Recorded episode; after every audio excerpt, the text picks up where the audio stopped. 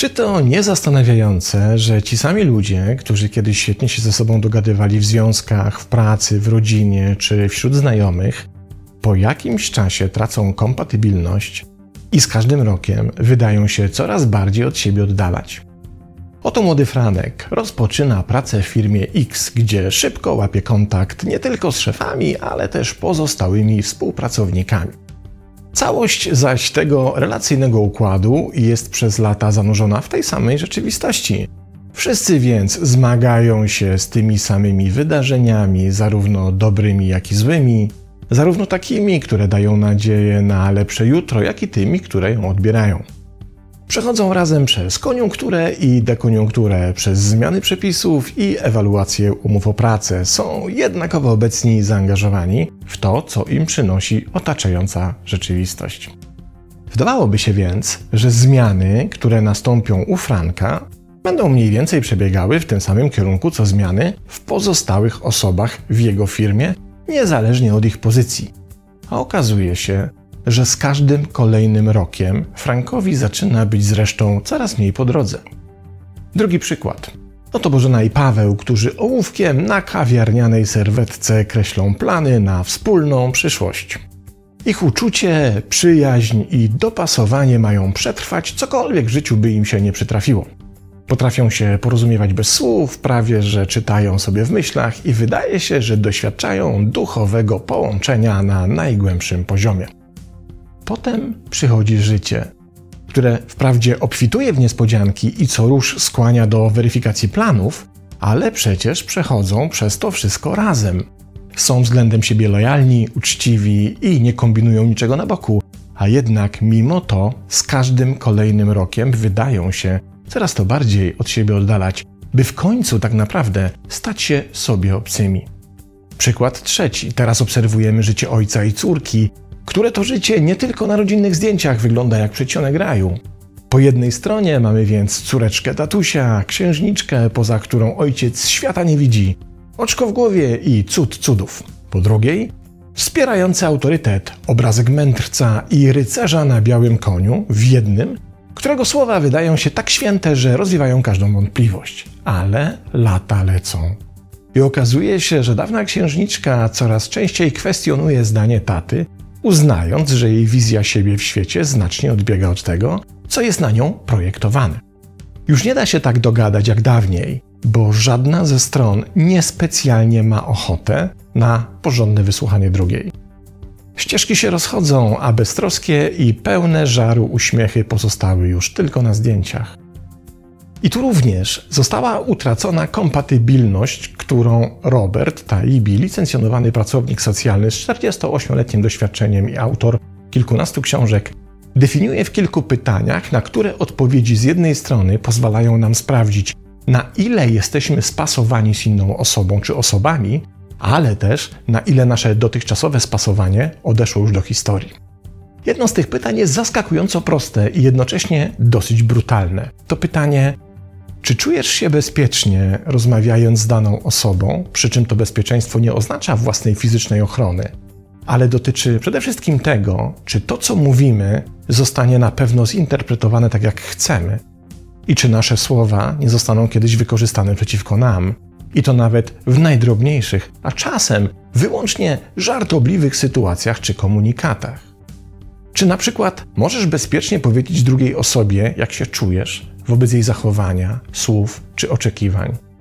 Czy ten brak poczucia bezpieczeństwa właśnie czasem nie sprawia, że wahasz się, czy coś powiedzieć, a czasem wręcz rezygnujesz, by zabrać głos w sprawach, które z różnych powodów są dla ciebie ważne?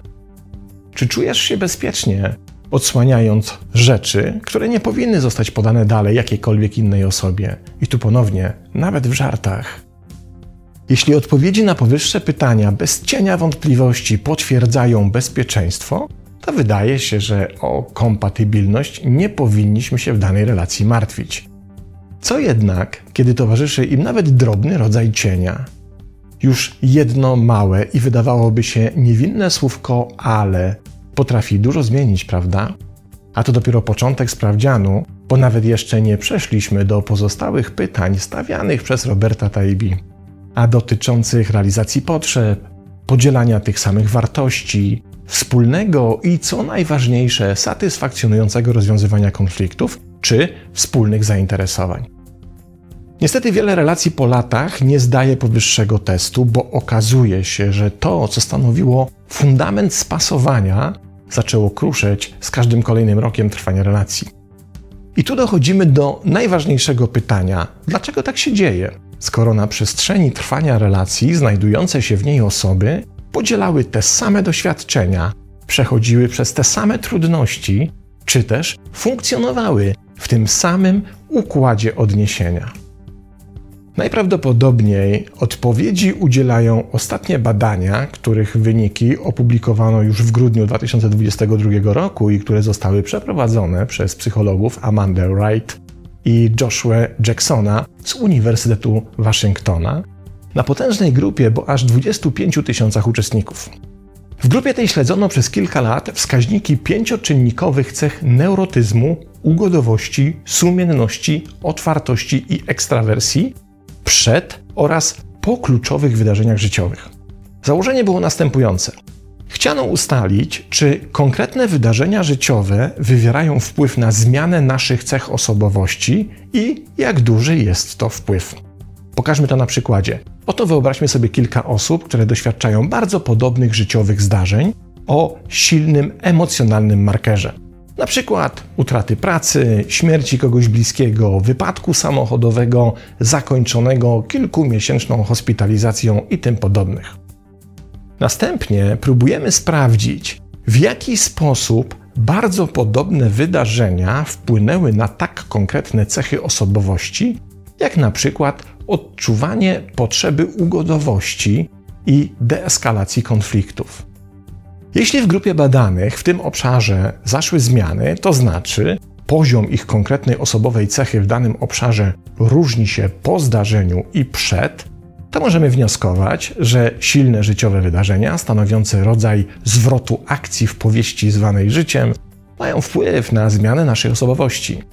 Jeśli tak, to teraz należałoby odpowiedzieć na pytanie, na czym ten wpływ polega, jak jest duży i czy utrzymuje się na tym samym poziomie u wszystkich badanych. I tutaj naukowcy wprowadzili termin spójności osobowości, który stosuje się w przypadkach, w których nie zaobserwowano istotnych zmian w cechach osobowych po silnych życiowych wydarzeniach. Mówiąc inaczej, im mniejsze reakcje danej osoby na życiowe zmiany pod kątem stabilności cech osobowych, notowanych przed zmianą, tym większa spójność osobowości.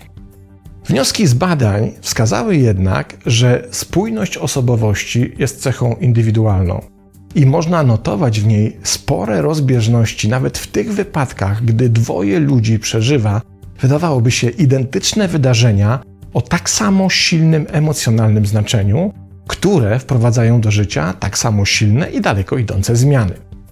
Nasze reakcje na planie cech osobowości w tych zmianach przypominają trochę gałąź drzewa, od której odrastają mniejsze gałęzie.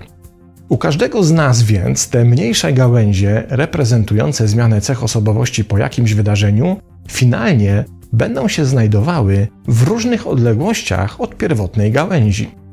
Dla jednej osoby więc zmiana spowoduje spory odchył cech, ale po jakimś czasie te różnice będą na tyle małe, że system odzyska większość ze swych dawnych wskaźników osobowości, czyli jak można by powiedzieć, spójność osobowości zostanie w dużej mierze przywrócona.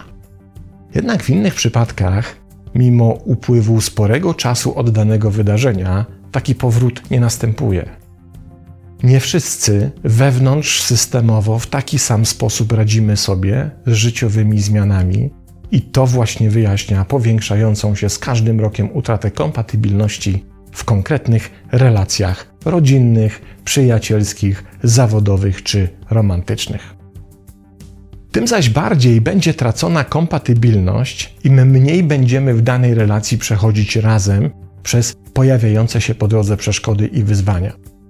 W im większym stopniu nie doceniamy lub lekceważymy to, że ta sama zmiana, z którą my sobie poradziliśmy, dla drugiej osoby jest dużo trudniejsza do ogarnięcia, tym z biegiem czasu bardziej obcy się stajemy sobie nawzajem. Stąd, wracając do koncepcji bezpieczeństwa komunikacji w relacji, warto się dwa razy zastanowić, zanim powiemy bliskiej nam osobie, co ty się tak przejmujesz, czy nie mów, że jeszcze sobie z tym nie poradziłeś czy nie poradziłaś. I wskazywać swój przykład jako wzorcowy do rozwiązywania problemów. Takiej sytuacji po poczuciu bezpieczeństwa komunikacji po drugiej stronie nie zostaje ślad, co z dużym zaskoczeniem możemy odkryć dopiero po latach, kiedy kompatybilności nie da się już uratować. Pozdrawiam.